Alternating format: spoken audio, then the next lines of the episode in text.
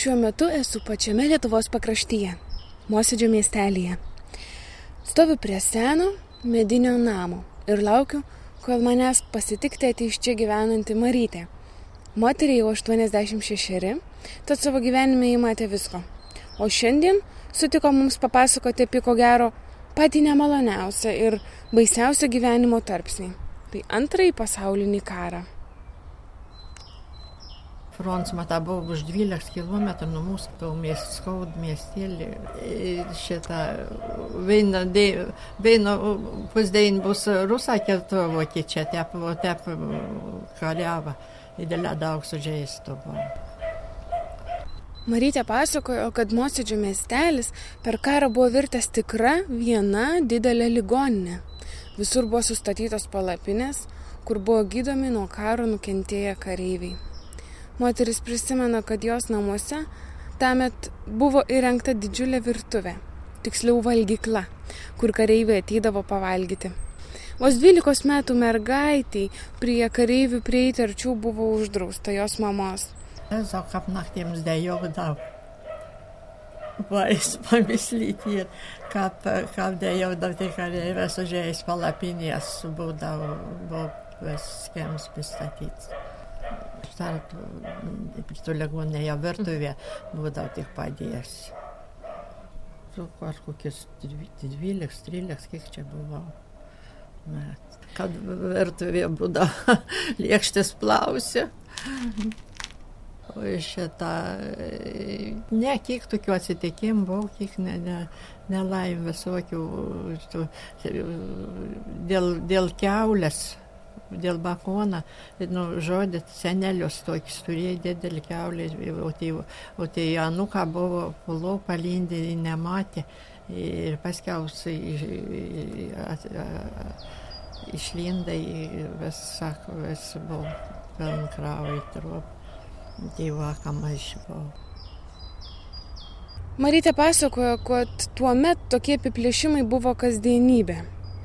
Kiekvienas kovojo už save ir žiūrėjo naudos tik savo.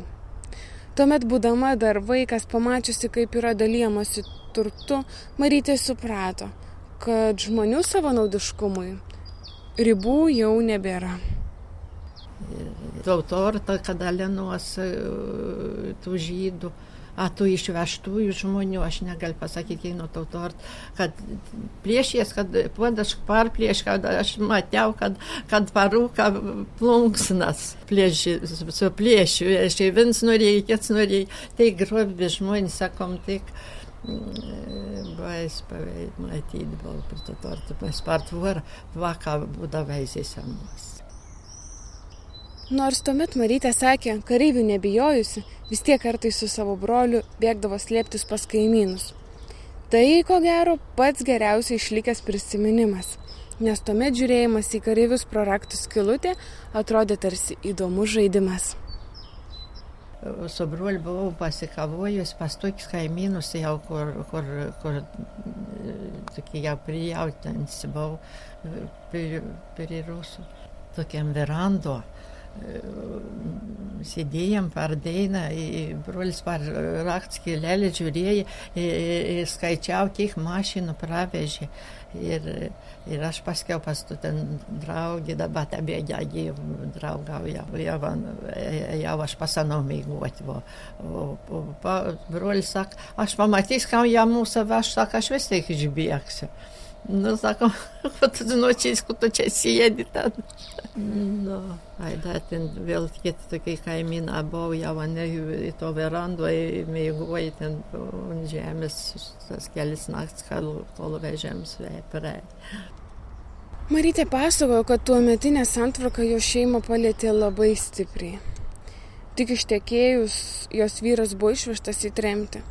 Marytė pasisekė, kad ji pati liko namuose Tačiau tą kartą daugelį giminaičių jį matė paskutinį sykį.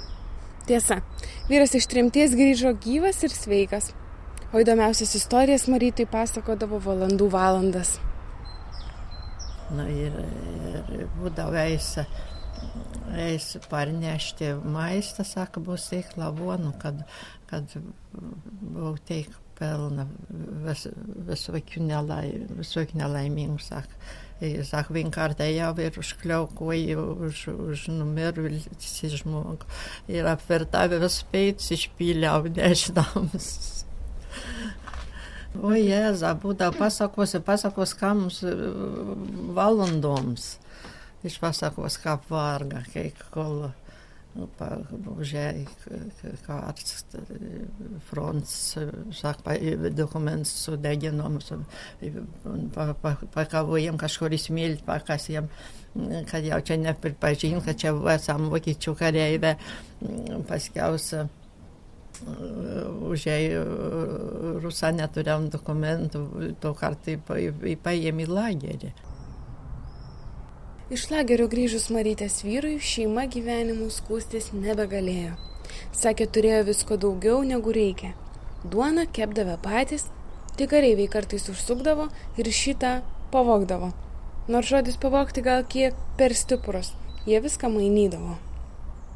E, buvom matą neišvežti, kad buvom veito mums bėdos nebuvo. So turėjom žausų paukščių visokių ir visko. Išvogė, išvogė kareivę, dvylika žausų išvogė.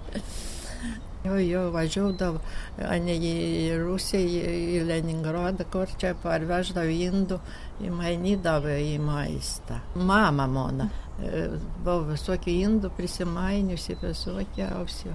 Ir lašins būdavo maistas. Tik madubavai lašin. Trūka jau maniam stovėjo maistą. Mes su tas kareivės dėlė gerą sugyvenom. Jo, jo, ten būdavo normali žmonės, reiškia. Sunku suvokti, ką tuo metu išgyveno žmonės ir kaip jautėsi praradęs savo artimuosius. Karas Marytė šeimai paliko skaudžių prisiminimų. Tačiau dabar Šios istorijas įteigia pasakojantis savo nūkams.